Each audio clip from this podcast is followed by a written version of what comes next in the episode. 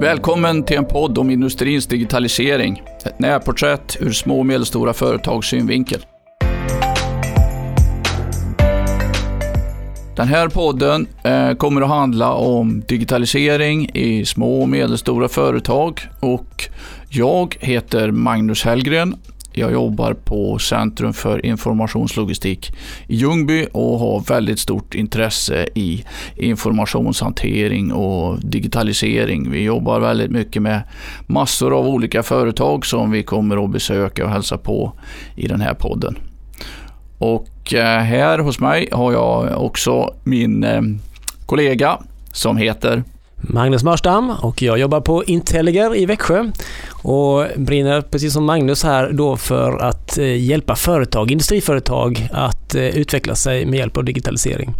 Och I den här podden så kommer vi att eh, ge porträtt eh, hur små och medelstora företag jobbar med digitalisering. Vi kommer att göra intervjuer och reportage och vi kommer att besöka företag så att ni kan få en inblick hur de jobbar och vad de har gjort och vilka problem de har stött på.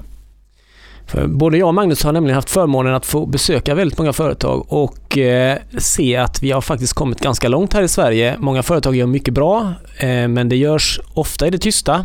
Vi vill med den här podden lyfta fram de här bra exemplen och inspirera dig som lyssnare till att ta och våga ta steget att utveckla sig mer med digitalisering. Det kommer vi göra och vi kommer att titta på alla aspekter eh, som finns i företagen. Det är inte bara produktion, utan det är administration, det är logistik, eftermarknad, produktionsutveckling, tjänstifiering. Ja, egentligen alla delar av ett företags verksamhet så kommer vi att dyka ner i.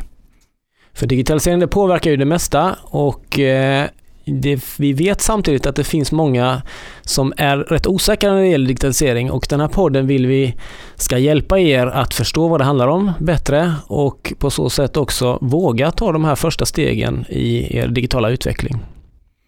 Och också ge en del eh, utblickar så att man kan få utsikt eh, av det som finns bortom horisonten och allt det spännande som är på gång nu som är relevant för industrin.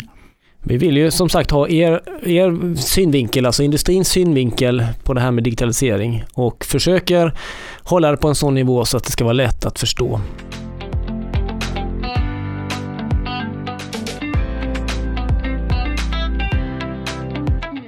Jo, eh, det pratas ju väldigt mycket om att utvecklingen går så rasande fort eh, och att den aldrig har gått så fort nu som den någonsin har gjort.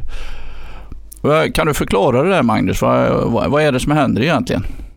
Ja, det, det är en stor fråga, men eh, man pratar ju om att digitaliseringen, egentligen allt som har med datorbegrepp utvecklas exponentiellt och har gjort så sedan 1965. Och det finns ett begrepp som heter Moores lag och det är egentligen ingen lag, men en datortillverkare Intels grundare som sa att eh, redan på 60-talet då att de kommer bygga dubbelt så snabba processorer i datorerna. Bara, eh, och det kommer bli dubbelt så fort varannat år. Men det visar sig att saker och ting har fördubblats sin hastighet, eller egentligen blivit dubbelt så bra var 18 månad sedan 1965. Och det är ju en exponentiell utveckling och den här exponentiella utveckling det har vi väldigt svårt för att se med våra ögon. Vi kan inte det, eh, vi människor, utan ser vi en bil som accelererar ute på vägen så ser det ut som ett linjärt samband för våra ögon. Och vi har väldigt svårt att ta in det här med exponentiell utveckling för det sker väldigt, väldigt lite i början och sen så de här fördubblingarna, allt eftersom de fördubblas så går det fortare och fortare och sen kommer man till en brytpunkt där det går extremt fort. Och vi har kommit till en sån brytpunkt nu. Jag ska förklara det lite med ett exempel. Eh, det finns en gammal sägen om schackbrädets uppfinnare. Jag vet inte om du har hört det Magnus, men det är en gammal sägen där schackbrädets uppfinnare spelade schack för en kejsare. Och den här kejsaren tyckte att schackspelet var så intressant och ville gärna köpa det. Och frågade vad det kostar. Men schackbrädets uppfinnare ville ha betalt i ris. Så han sa det att ja, men om du lägger ett riskorn på första rutan på schackbrädet, två på andra fyra på tredje och så fördubblar du antalet riskorn för varje ruta på schackbrädet. Så mycket, så mycket ris vill jag ha för mitt spel, sa han. Och kejsaren då som inte kunde ta in det här med exponentiell utveckling sa att ja, men det är ju ingenting, tyckte han och gick med på det. Men det kan du själv stå med på miniräknaren sen om du vill. Eh, för att när du har då kommit till halva schackbrädet så har du 4 miljarder riskorn. Och det är lika mycket som ett stort risfälts årliga produktion.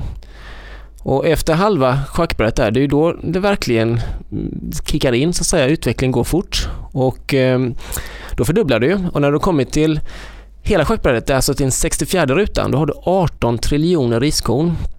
Skulle du lägga det på hög så skulle hela Mount Everest se pluttigt ut i jämförelse och det är mer än tusenfalt av allt ris som produceras genom alla tider. Och då kan vi göra ett litet enkelt räkneexempel. Om du tar 1965 till, vi säger 2015 för att det är 50 år och så delar vi det med 18 månader, alltså ett och ett halvt år. Då får vi 33,3 fördubblingar. Och då är vi alltså på, redan 2015 så var vi på andra halvan av schackbrädet. Så därav så ser vi den här enorma utvecklingen som vi gör just nu. Men produktionen i industrin har ju inte eh, växt med den hastigheten riktigt, eller hur? Nej, har, vi har ju en hel del, i den fysiska världen så finns det en hel del begränsningar såklart. Men en, i den digitala världen så är de här begränsningarna lite lösare och har man kommit till en begränsning så har man oftast hittat tekniska lösningar för att komma runt det och ha den enorma utvecklingen. Så vi har inte sett den utvecklingen någonstans. Det finns ju inga idrottsmän som har sprungit dubbelt så fort på 18 månader till exempel och haft bibehållit den utvecklingen eller bilar som kör dubbelt så här fort till exempel heller.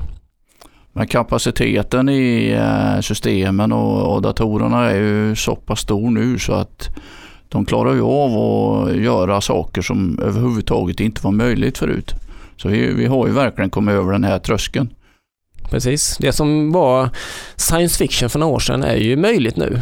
Men samtidigt ska vi veta det att industrin av de behov som finns i industrin så säger forskningen att i nio av tio fall så finns tekniken redan. Så man behöver inte jaga den här allra senaste tekniken.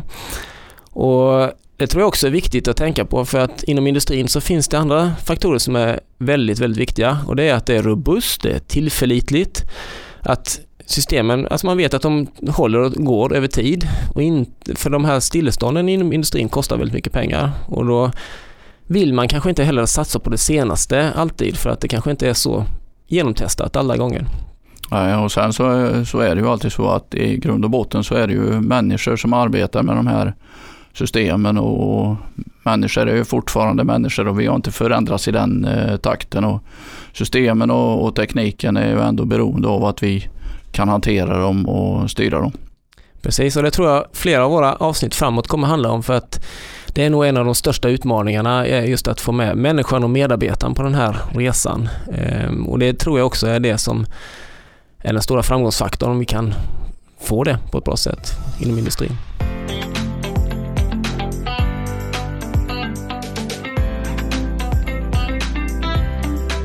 Vi ser ju att digitalisering påverkar allt mer i våra liv och runt omkring oss.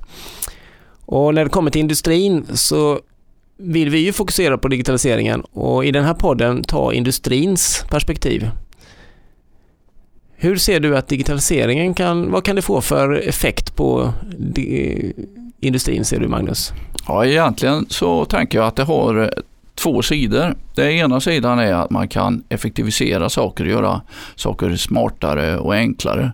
Människan är ju i, i grunden väldigt lat. Så kan vi göra någonting lite enklare, lite fortare så gör vi gärna det. Och den andra sidan är då att göra nya saker, för, eh, helt enkelt ta nya kliv framåt.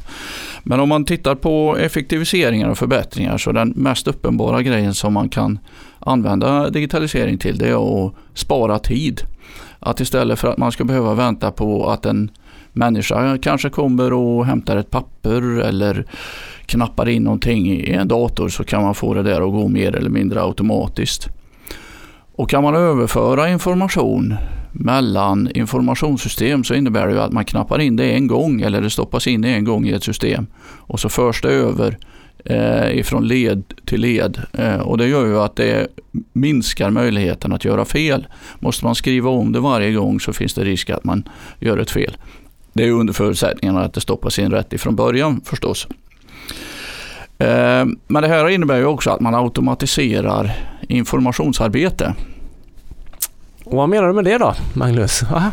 Ja, automat automatiserade informationsarbete eh, innebär ju att man inte behöver eh, ha en, en människa som gör någonting inemellan utan man kan få informationen att gå från den ena stationen till den andra och den kanske behöver förändras lite grann eh, under vägen. Och Eh, man använder då maskiner för att göra det här istället för att eh, människor ska behöva sitta och vänta på att informationen ska bli klar och sen flytta över den till nästa. Eh, ett exempel skulle också kunna vara att man för, använder digitalisering för att för, förbättra underhåll. Genom att få mer information om hur maskinerna har fungerat, vad som eh, har gått sönder, vilka delar som har gått sönder. Så genom att använda den enorma mängden information som man får ut ur det där så blir det enklare och mer säkert att avgöra vad man behöver göra för att till exempel förbättra en konstruktion eller vilka delar som man behöver byta oftare. Det här är bara några frågor som vi sen eh, har tänkt oss att vi ska ta upp i den här eh, podden och det tänker vi då göra genom att exemplifiera det med verkliga fall ute på industriföretag. Men du pratar ju ganska mycket om eh, fördelar med digitalisering. Vad menar du med det?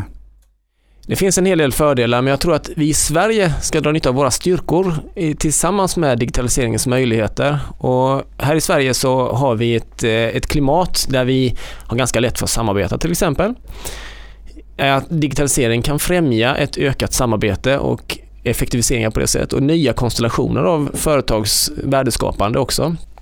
Dessutom så har vi en vi är inte så hierarkiska som kanske är i andra kulturer, eh, vilket också är en fördel tror jag för att det gäller att dra nytta av människorna som finns inom företaget och eh, den kunskap som finns och då gäller det också att ha ett ledarskap där chefen inte tror att man kan allting eller kan peka med hela handen hela tiden utan det gäller att vara lyhörd och ta vara på eh, det, det, som finns och, och, de kunskaper som finns inom eh, företaget. Då. Dessutom så har vi en tror jag, en, en ganska hög IT-mognad om man jämför med många andra länder. Och det är också någonting vi ska ta vara på.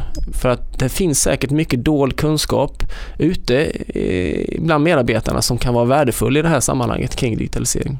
Menar du till exempel att om man är bra på att spela dataspel hemma så skulle det kunna vara en fördel även på jobbet? Det finns ju faktiskt exempel på företag som har tagit vara på det på ett bra sätt. Det kommer vi också nämna i podden här framgent. Där man har korsbefruktat egentligen med kunskaper från till exempel spelvärlden eh, och gjort det jättebra inom industrin. Så det är en sån sak. Det kanske finns också de som är jätteduktiga på sociala medier eller annan typ av marknadsföring eller att hantera digitala medier.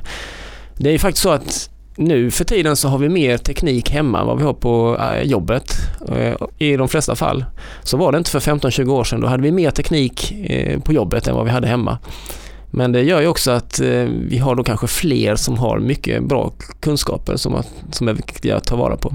Jag tycker vi tar med oss den frågan när vi åker ut och hälsar på företagen sen och tittar lite hur teknikkunnandet hos folk kommer in och används på jobbet. Självklart, tycker jag också.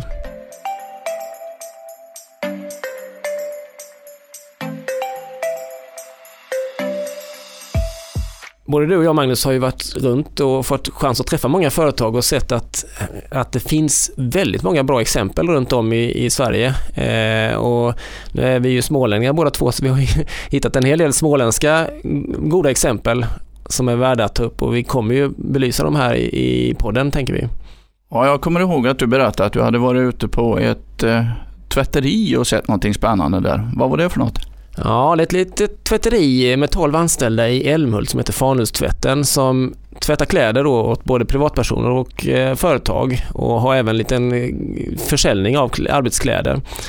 Eh, de har gjort spännande saker för de, de, de med 12 anställda har varit väldigt nyfikna på ny teknik och, och eh, har då, till skillnad från de större tvätterierna, så är det så att de större tvätterierna de hyr ut kläder och äger tvätteriet kläderna och hyr ut dem medan Fanhustvätten i deras fall så är det kunderna som äger kläderna. Och eh, det, gör, det får en ganska avgörande eh, faktor när det gäller ansvar eller vem då som ansvarar för kläderna. Och de fick en hel del frågor tidigare på var kläderna befann sig och då fick de ibland rota runt bland smutstvätten för att identifiera byxor eller annat. Men det de kom på då det var att de, de, de strök på taggar på varje plagg som de skannade. Taggar, vad är det för något? Eh, ja, det är en bra fråga. Det är jättebra att du ställer de frågorna för det, det, är alltså egentligen någonting som identifierar plagget som man då unikt kan identifiera att det är de här byxorna. Så att om du har ett par byxor till exempel så, så skulle man då kunna scanna av dem ungefär som du scannar matvaror i butiken som då identifierar vilket pris det är. Så skannar den av eh, plagget och identifierar vilket plagg det är och då att det kommer till tvätten och sen att det går ifrån tvätten och då vet de var det befinner sig. Och den informationen sen har de, är ju värdefull för då skapar det massa statistik om hur många gånger det är tvättat och vilket plagg som tillhör vem och så här. Och den statistiken den presenterar de på en hemsida för företag så det är ett typiskt mervärde de adderar till sin leverans hos sina kunder. Ja, Smart, så det var alltså behoven att kunna hitta rätt klädesplagg i tvätthögarna som gjorde att de satte igång med det här. Precis.